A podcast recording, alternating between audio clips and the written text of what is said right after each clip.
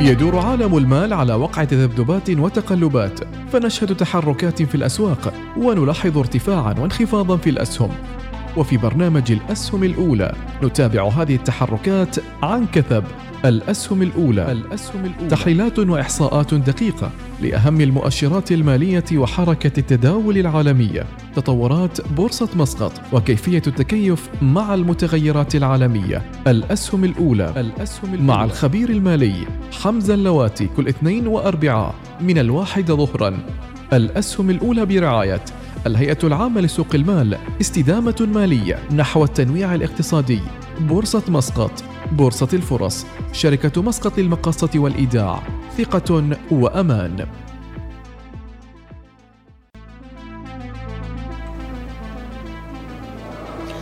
بسم الله الرحمن الرحيم. حياكم الله في حلقة الاثنين من الأسهم الأولى. نرحب بكم من هنا من قاعة التداول ببورصة مسقط ونقدم التحية بدءا لرعاة البرنامج الهيئة العامة لسوق المال وبورصة مسقط وشركة مسقط للمقاصة والإيداع. الأسهم الأولى برنامج يأتيكم كل اثنين وأربعاء الساعة الواحدة وعشر دقائق تقريبا وتتابعونا مباشر على اليوتيوب وأيضا على تويتر المباشر. لكل من يحب متابعة أخبار المال والأسهم والتداولات بشكل عام نحن هنا في هذه القاعة التي أيضا آه، تعتبر من أقدم القاعات في سلطنة عمان في مجال التداول والأسهم وأوراق المال. معكم في إدارة الحوار بإذن الله تعالى مديحة سليمانية وفي إعداد المحاور والإجابة عن أسئلتكم الخبير المالي حمزة سلمان. أهلا وسهلا فيك حمزة. مرحبا بكم وبجميع المتابعين والمستمعين عبر الراديو والبودكاست. حياك الله حمزة. حلقة مهمة جدا من حلقات الأسهم. دائما نسلط الضوء على التداولات وأخبار السوق هنا في سلطنة عمان ونعرج أيضا على السوق العالمية. حلقتنا اليوم راح تكون على محورين. المحور الأول نتحدث عن أخبار التداولات والسوق في سلطنة عمان ثم الأخبار العالمية. وأيضا واحد من المبادئ الأساسية في التداول سيعرفنا عليه حمزة. سنأخذ استراحة آه، لمدة آه، فاصل بسيط ثم نعود بعدها مع المحور الثالث والأخير فلنبدأ معا مع حمزة. مرحبا بالمتابعين أم أحمد حياكم الله. لمحة سريعة عن بعض الأخبار يعني أخبار كثيرة وأحداث كثيرة تحصل خلال هذه الفترة بالاسبوع الماضي تم إصدار صكوك إعلان عن إصدار صكوك لمجموعة محمد البرواني بقيمة 25 مليون ريال عماني. هذه الصكوك مستحقة الدفع في عام 2028 بعائد 8.5% وطبعا لازم المستثمر اللي يريد يكتتب في هذه الصكوك يلحق عليها لأنه تبقى ثلاث أيام على نهاية الاكتتاب اللي هو 15 يونيو 2023 وبعدها تصبح هذه الصكوك آه، قابل للتداول في بورصة مسقط آه، طبعا مثل بقية السندات والصكوك آه، كذلك عندنا خبر جديد أمس مساء في الليل شفته اللي هو عرض جديد من بنك ظفار للاستحواذ على البنك الأهلي. وهذه المرة طبعا هذا العرض الثالث إذا ما خاب ظني. تم رفع السعر النقدي إلى 215 بيسة للسهم للمساهمين في البنك الأهلي اللي هم مستحقين للتعويض النقدي. نعم. كذلك يوم أمس شهدنا تداول كثيف على سهم آه، صندوق عمان العقاري حيث وصل تداول لأكثر من 6 مليون آه، سهم. وتراوح السعر في جلسة يوم أمس بين 80 ل 88 بيسة. اليوم طبعا السهم مرتفع واصل ل 88 بيسة. وأيضا آه، أمس صندوق عمان العقاري دشن موقعه الإلكتروني. فأتوقع مع التعافي اللي جالسين نشهده في القطاع العقاري أيضا قد ينعكس ايجابا على صندوق عمان العقاري. ونتمنى طبعا إنه يتم أيضا رفع أو زيادة التوزيعات النقدية للمساهمين. كذلك عندنا هذا الأسبوع بعض الأخبار المهمة عالميا. يوم 13 يونيو يعني يوم غد يكون إعلان بيانات التضخم للولايات المتحدة الأمريكية وهذا طبعا يأثر عالميا على كل العملات وعلى كل الاقتصادات. كذلك يوم الأربعاء في اجتماع للجنة الفدرالي الأمريكية للبحث في رفع نسبة الفائدة. هل سيرفعون الفائدة على أساس 25 نقطة مئوية أم سيبقون الفائدة مثل ما كانت؟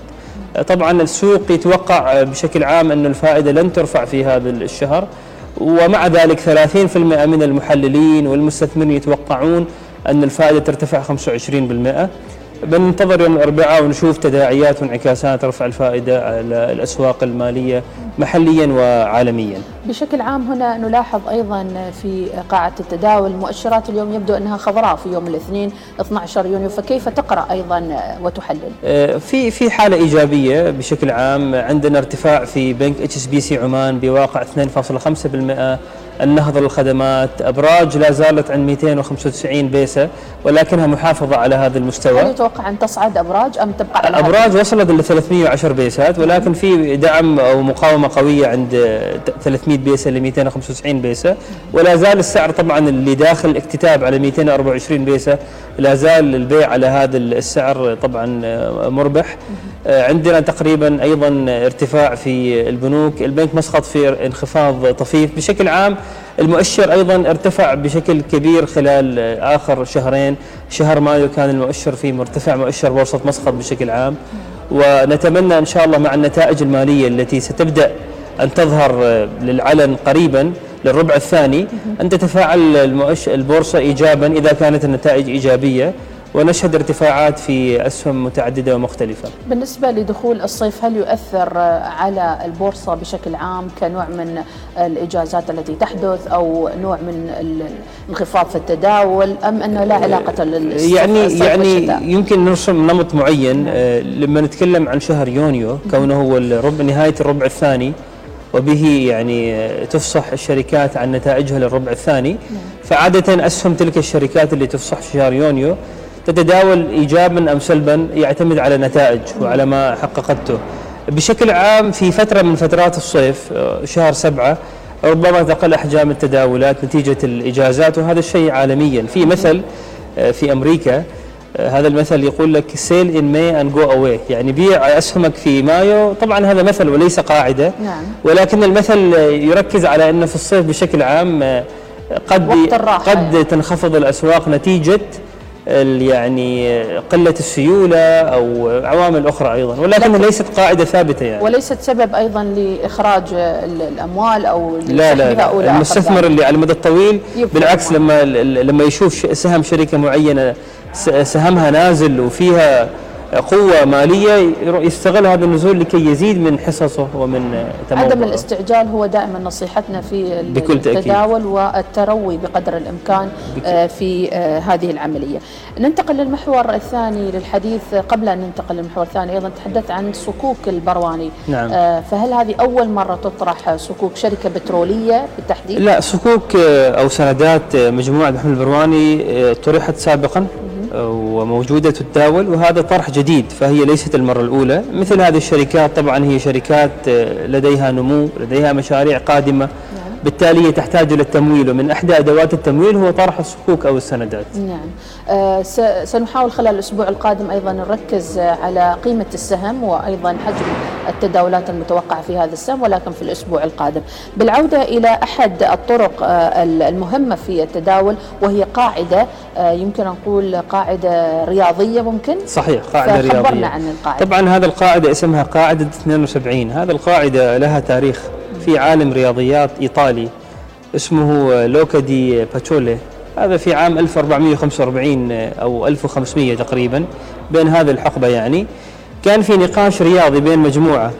الخلاصة اللي أنا أحاول أخبرها للمستثمرين أنه الآن مثلا أم أحمد تسأليني سؤال يا حمزة أنا أحتاج يعني أريد أضاعف مبلغ اللي عندي عن طريق الاستثمار كم من السنوات أحتاج؟ مثلا أم أحمد أنت لديك ألف ريال تقولي هذا الألف أنا أريد أخليها ألفين. كم من السنوات يا حمزة أحتاج حتى أخلي الألف إلى ألفين؟ هذا القاعدة الرياضية تقول أنه انه انه حدد اولا العائد المالي لاستثمارك. فإذا فرضنا على سبيل المثال عندنا مثلا عائد مالي لاستثمار معين 5% ناخذ 72 تقسيم 5% الناتج هو يكون عدد السنوات المطلوبة لمضاعفة رأس المال. نعم. فهذا القاعدة عن طريق هذا المعادلة الرياضية اللي هي 72 تقسيم العائد المتوقع للاستثمار يعطينا عدد السنوات المتوقعة لمضاعفة الاستثمار نعم. وهذا مهم جدا لأنه آه، يخبرنا بشكل سريع عن هدفيتنا عن هدفنا الاستثماري فإذا على سبيل المثال يجيني واحد يقول لي مثلا يا حمزة أنا أريد أدبر فلوسي في سنتين أقول له يا حبيبي إذا لازم تدبر فلوسك في سنتين إذا تحتاج إلى عائد آه، يصل إلى 50% في السنة الواحدة نعم. وهل هنالك أصول آمنة أو أصول معتد بها تعطيك عائد 50 سنة في 50% في السنة؟ لا صعب. لكن إذا خذينا مثلا عائد 6% أو 5% يعطينا مثلا 12 سنة أو 15 سنة واللي هو طبعا آه، يعني عمر أو مدة زمنية معقولة. نعم. فهذا القاعدة تساعدنا على معرفة عدد السنوات اللازمة لمضاعفة رأس المال المستثمر. وكذلك هذا القاعدة ممكن استعمالها بطريقة أخرى. ممكن مثلا آه، تسأليني سؤال أنا عندي عشر سنوات من الآن للتقاعد. نعم. وخلال هذه العشر سنوات أنا أريد أضاعف رأس مالي. إذا ناخذ 72 تقسيم 10 فيعطينا الناتج. مثلا كان الناتج 7% ما عندي الآلة حاسب أمامي لكن فلنفرض 7% هذا يعني أنه لازم تبدأين وتذهبين وتبحثين عن عائد. سنوي لاستثمارك 7% وإذا تحقق هذا العائد 7% إذا في خلال 10 سنوات ستضاعفين رأس مالك، فهذه قاعدة مهمة أتوقع الجميع لازم يحفظها ويعرفها يعني. اذا هي قاعدة 72 هي قاعدة في التداول بشكل عام. آه ولكن أيضا هناك كثير من الأشخاص يعني آه ربما لا يحبون الرياضيات، لا يحبون التعامل المباشر مع الأرقام، فما هو الحل بالنسبة لهم؟ اليوم نتحدث عن مستثمرين شباب نتحدث عن مستثمرين من فئة الإناث ربما من طالبات آه، في الجامعة أو في الكليات المختلفة. لديها مبلغ مالي. استثمرته في فترة من فترات انتشرت آه، سبائك الذهبية وحدث لها رواج كبير. وحقيقة أنا مما أجده من السوق العماني أنه عدد كبير من النساء آه، اشترن هذه السبائك وخزنوها. لكن هناك طرق أخرى أيضا لجلب عوائد مادية. طبعا نحن لما نتكلم عن عوائد مالية فنتكلم عن أصول مدرة للدخل. ما هي الأصول المدرة للدخل؟ هي شركات أو مثلا صناديق عقارية أو عقار. أي أصل فيه إنتاجية هو مدر للدخل. نعم. يمكن نفرد حلقة نتكلم فيها عن الذهب. هل الذهب هو أصل استثماري أم هو أصل للتحوط ولل المج... يعني الحماية من المجازفه والمخاطرات هذه بنفرد لها حلقة. نعم. ولكن باختصار هذا القاعدة أم أحمد بسيطة يعني تأخذ الآلة الحاسبة. يعني الآن مثلا آه، لو أحد الشباب آه، عنده صندوق استثماري هذا الصندوق الاستثماري آه، يعني يوزع أرباح بقيمة 5% نعم. يعني من كل ألف ريال تحصل على تقريبا 5 ريالات. اذا كل اللي علينا نعمله إنه ناخذ 72 تقسيم 5 الناتج بيكون عدد السنوات المطلوبة لمضاعفة رأس مالك. نعم. كل ما زاد العائد الاستثماري كل ما قلت عدد السنوات. ولكن أيضا كل ما زاد العائد الاستثماري أكثر من 6% بدأنا ندخل في استثمارات خطرة. مخاطرة أكبر. مخاطرة أكثر. فيمكن أنت أيضا تخسر ذلك إذا يعني هي نسبة وتناسب يعني الواحد لازم يكون متحوط لهذا الأمر يعني يعتمد على قيمة المبلغ اللي عندك وأيضا قيمة العائد السنوي اللي بيجيك من بكل هذا بكل تأكيد. آه، ولكن المبلغ. القاعدة بكل اختصار بالآلة الحاسبة تعطيك مثل ما نقول straightforward يعني إجابة مباشرة, مباشرة. كم عدد السنوات اللي أحتاجها لمضاعفة رأس مالي من قاعدة 72 في التداول متابعينا نأخذ هذا الفاصل ونعود ونستكمل باقي محاورنا في الأسهم الأولى بعد قليل.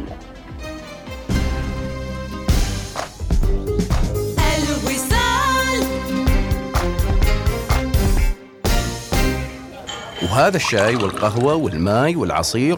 أنا طلبت كوب شاي بس. وبعدني بجيب لك الحلويات والكابتشينو وعصير ليمون بالنعناع و... أحصل على أرباح تفوق توقعاتك مع حساب التوفير من ميثاق للصيرفة الإسلامية. كلما زاد رصيدك زادت أرباحك. افتح حسابك الآن. للمزيد من المعلومات قم بزيارة موقعنا الإلكتروني ميثاق دوت أو إم. محلات A&H العلم تحت سقف واحد. استرجع نصف قيمة مشترياتك كقسيمة شراء مجانية عند التسوق من 10 ريال إلى 50 ريال أو أكثر.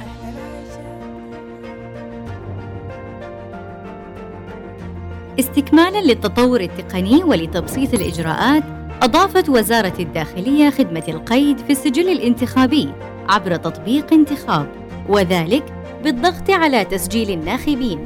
أدخل الرقم المدني وتاريخ انتهاء البطاقة الشخصية ورقم الهاتف المحمول ثم الضغط على التالي. أدخل رمز التحقق لمرة واحدة. OTP الذي سيتم إرساله إلى هاتفك. ثم اضغط على تحقق. الضغط على تسجيل ناخب. وسيتم قيدك في الولاية. بعد الضغط على موافق ورسالة تأكيد الموافقة. سيتم إشعارك بالولاية المقيد فيها. انتخب انتخابات أعضاء مجلس الشورى للفترة العاشرة مع تحيات وزارة الداخلية. جديد فارس كرم عالسريع من ضمن ألبومه الجديد فارس كرم 2023 عالسريع تعي لقلبي عالسريع حاليا على ديزر أنغامي وسبوتيفاي إنتاج وتوزيع روتانا. أو لما تغلي فيا بتفول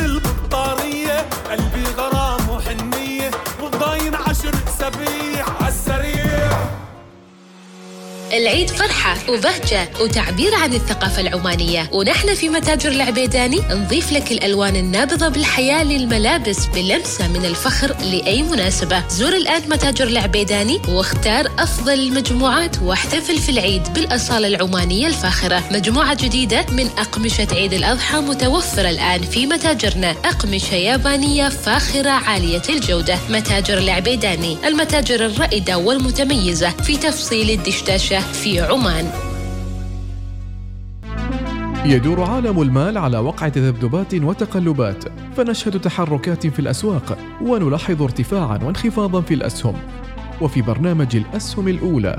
نتابع هذه التحركات عن كثب. الأسهم الأولى. الأسهم الأولى. تحليلات وإحصاءات دقيقة لأهم المؤشرات المالية وحركة التداول العالمية. تطورات بورصة مسقط وكيفية التكيف مع المتغيرات العالمية. الأسهم الأولى. الأسهم الأولى. مع الخبير المالي حمزة اللواتي كل اثنين واربعاء من الواحده ظهرا.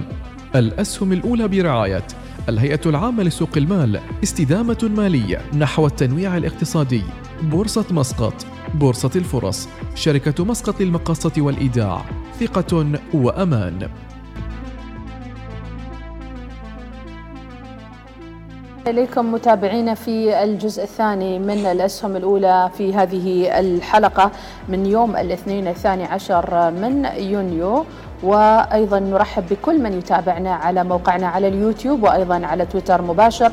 ونشكر للأمانة المتابعة الكبيرة جدا التي آه، لاحظناها خلال الحلقة الماضية. آه، حمزة كان الحديث آه، مع ضيفك عن تاريخ البورصة ويعني أهم الملامح المرحلية اللي وصلت لها البورصة نعم. بكل تأكيد. فأكيد حلقاتنا في الأسهم الأولى هي توثق للماضي وأيضا تأخذنا نحو المستقبل وفي أيضا من ضمن محاورنا اليوم الحديث عن الذكاء الاصطناعي في محورنا الثاني. حمزة ما كيف نعرف الذكاء الاصطناعي؟ الذكاء الاصطناعي أم أحمد هو عبارة عن سلوك وخصائص معينة تتسم بها البرامج الحاسوبية.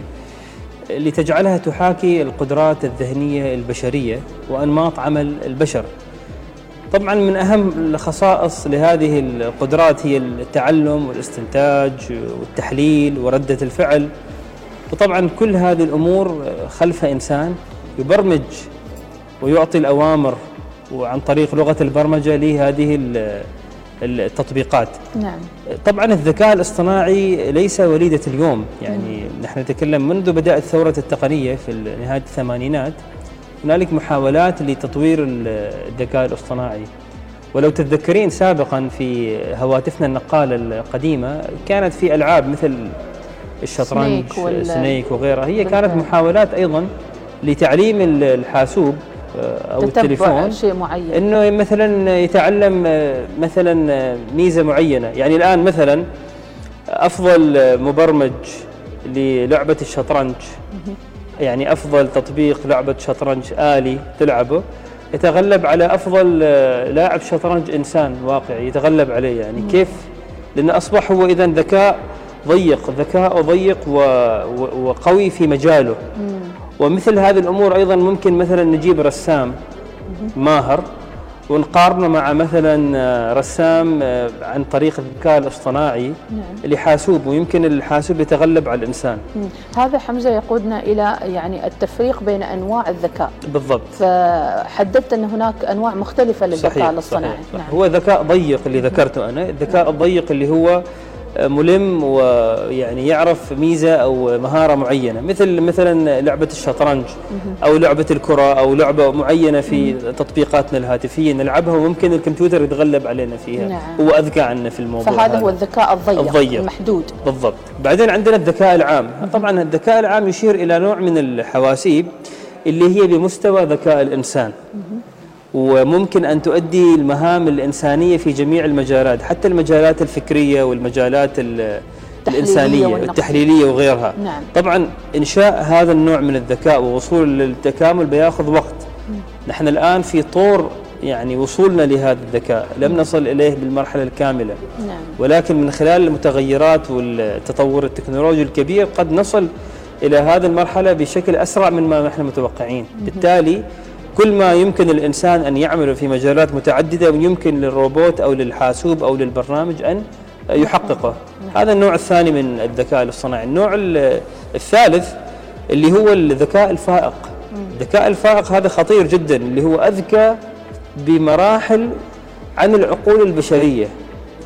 يعني هنا تعدينا مرحلة الذكاء العام اللي هو نفس البشر. هنا لا أفضل من البشر. وطبعا هذا ال- الذكاء ال- الفائق مش فقط في مهارات إنسانية بل في حتى إبداع علمي يعني اختراعات. يعني يمكن الروبوت أو البرنامج يخترع شيء جديد نعم. لم يسبق له أحد. يمكن مثلا يعني ينشر حكم. حكم اللي هي عادة يستنبطها الإنسان. الإنسان من يعني. الواقع. نعم. فيمكن أيضا الذكاء الاصطناعي من خلال تعلمه واستنتاجه تكون له حكم تكون له دراسات تكون له اختراعات تكون له اكتشافات. آه، لذلك المجال جدا شيق وخطير نفس الوقت يعني خطير جدا. فهذه أنواع آه، الذكاء المختلفة الموجودة. هل ترى هناك آه، يعني آه، مستقبل للذكاء الاصطناعي في التداول مثلا في استبدال مثلا المتداولين أو التنبؤ بسهم يصعد وسهم بكل تأكيد يتأخر؟ هذا نحن اوريدي بدأنا نشوفه في الواقع يعني. لازم أم أحمد نعرف آه، لماذا ظهر الذكاء الاصطناعي حتى نعرف مستقبله. ما هي ما كانت الحاجة للذكاء الاصطناعي؟ الذكاء الاصطناعي طبعا بطبيعة الحال ظهر آه، وتم تطويره لكي يزيد من ربحية الشركات ويقلل من تكلفتها. كثير من الشركات في القرن الماضي وفي العقد الماضي وإلى الآن جزء كبير من تكاليفها تذهب للعنصر البشري لتطوير وتدريب الناس وتهيئتهم ومن ثم دفع الرواتب لهم فكان ال- الربح والمال هو دائما المحرك لرؤوس الأموال الكبيرة أنها تبتكر وتستثمر وتخترع آليات معينة تستغني بها عن البشر. نعم. طبعا هذا خطير أنا ما أقول إنه هذا الشيء صحيح إنه خطير لأنه في حال تمكنت بشكل كامل فالإنسان طبعا يكون مهدد في كثير من السبل ويكون يفرض عليك أنت كبشر أنك تدرس شيء معين لأنه يمكن كثير من الأشياء اللي ندرسها ما يكون لها مجال آه، للعمل يعني. نعم. فالمادة تحرك كل شيء وهذه المادة أيضا جابت لنا الذكاء الاصطناعي. ويبقى في الآخر أن أسواق المال هي عبارة عن أرقام ويعني حصيلة كبيرة من آه، المعلومات والداتا اللي نقول عنها القابلة للتحليل. الآن على سبيل المثال في موقع آه، بورصة مسقط أو الهيئة العامة لسوق المال العديد من الأرقام نقول عنها ال- ال- الصرفة. كيف ممكن أن نحولها إلى خبر اليوم ننظر إلى آه، اللوحة خلفنا الآن هل ممكن أن نصيغ من سطر واحد من الأرقام مع ضوء أخضر خبر آه، مالي ممكن ممكن عن طريق الذكاء الاصطناعي إذا تطلب منه مثلا عن آليات موجودة عن تقرير كامل لبورصة مسقط للسنة المنتهية، كم كان أدائها؟ ما أبرز سهم ارتفع، أقل سهم انخفض. كل هذه التفاصيل يطلع لك إياها في في غضون دقائق نعم. إذا ما دقيقة يعني. وهذه موجودة لو تروحوا إلى موقع مثلا في موقع اسمه investing.com هذا الموقع investing.com آه، جامع كل البورصات العالمية والشركات من بينها أيضا بورصة مسقط. لو تروحوا مثلا إلى أحد الشركات في بورصة مسقط مثلا بنك مسقط. الموقع أول ما تدخله يخبرك كل التفاصيل القيمة العادلة لبنك مسقط. يخبرك عن طريق ال- ال- ال- المؤشر أو الشارت يخبرك إيرادات بنك مسقط أرباحها كل التفاصيل تحصلها في في دقيقة. نعم. طبعا هذه من أحد المحاولات وممكن تتطور وتصير أسرع يعني. فنحن الآن نعيش في في في الثورة التقنية الرابعة اللي هي عنوانها العريض الذكاء الاصطناعي. اصطناعي وفي السابق يمكن متابعينا كان المعضلة الكبيرة أنه نحن لا نحصل على المعلومات. اليوم يمكن المشكلة اللي نعانيها أن في معلومات أكثر من مطلوب. المعلومات الآن هي تجيك. على سبيل المثال وهذا طبعا كلنا كمشاهدين مستمعين نعيشه. آه، إذا الآن أنت مثلا أم أحمد آه، كتبتي على جوجل مثلا رحلة إلى بلد معين. زين. صدقيني خلال دقيقة تذهبين للإنستغرام لتويتر تجيك دعايات مثلا عن بلد آه عن ذاك البلد صحيح. عن الفنادق عن التأجير. هذا نوع من أنواع الذكاء الاصطناعي عن طريق ال algorithms. طبعا من أبرز الشركات اللي تشتغل عالميا في مجال الذكاء الاصطناعي عندنا جوجل هي العملاق وعندنا مايكروسوفت وعندنا كذلك ميتافيرس اللي هي تطبيقات الفيسبوك والواتساب والإنستغرام. فالآن المعلومة تجيك مثلا في جوجل أنت تكتب عن بورصة مسقط أو عن أسهم معينة تشوف اليوم الثاني جوجل هو يعطيك مقترحات أن بورصة مسقط فيها هذه الأسهم وهذه الشركات وهذه النتائج. نعم. فإذا صار الإنسان ملاحق من الذكاء الاصطناعي. ملاحق ولكن الأهم أيضا أن يكون هو أذكى من هذا آه يستغله لصالحه. بالضبط نعم. خاصه تأكيد. فيما يتعلق ببرنامجنا وهو الأسهم الأولى والتداولات والتعاملات المالية المختلفة. اذا آه، حمزة ممكن أن نلخص آه، يعني حلقة هذا اليوم وكيف ممكن آه، يعني نعطي لمحة كذا أو نصيحة. جميل. أنا أريد أختم في موضوع الذكاء الاصطناعي في نقطة معينة مهمة جدا هذه النقطة اللي هي أنه نحن نشهد الآن ثورة الذكاء الاصطناعي. في عام 2000 شهدنا ثورة المواقع الإلكترونية ال websites. نعم. آه، أيامها كانت dot-com bubble. آه، قبل سنتين شهدنا ثورة السيارات الكهربائية. خلال الثورات هذه لما البشرية تشهد اختراعات جديدة لما تشهد تغيير في في نمط وسلوك البشر دائما هنالك فرص ولكن هنالك مخاطر أيضا. الفرص اللي موجودة كثيرة. فلما نجي على موضوع الاستثمار ستجدون خلال الأشهر المقبلة والأسابيع المقبلة انه كثير من الشركات عالميا أنها بدأت تدخل في موضوع الذكاء الاصطناعي وبدأت تستغله لرفع تقييم شركتها. وستجدين كثير من الناس يقول لك اشتري هذا السهم لأنه ترى ذكاء اصطناعي هذا المستقبل. نعم. ولكن أنا أحذر في نفس الوقت عن انهيار قادم ممكن أن يحصل في الذكاء الاصطناعي في أسهمها في تقييمها. مثل ما حصل سابقا في الانهيار اللي حصل في السيارات الكهربائية وسابقا حصل في أيام ال dot-com crash. فلما نشتري أسهم مرتبطة بالذكاء الاصطناعي يفضل الابتعاد عن أسامي يعني شركات معينة والتوجه إلى صناديق ال ETF أو الصناديق الاستثمارية لأن المخاطر عالية في موضوع نزول تقييمات تلك الأسهم بعد ما الهبة تنتهي أو بعد ما توقعات يعني يمكن نعم. تنخفض نعم. شكرا لك حمزة يعطيك الصحة والعافية. يعني معلومات كثيرة وقسمنا الحلقة اليوم لأكثر من محور. نتمنى تفاعلكم معنا بإذن الله تعالى عن طريق نشر روابط الحلقة. وموعدنا إن شاء الله يوم الأربعاء مع حمزة وضيف جديد في الأسهم الأولى. نشكركم على حسن المتابعة ونلتقيكم يوم الأربعاء. تحياتي مديحة سليمانية وفريق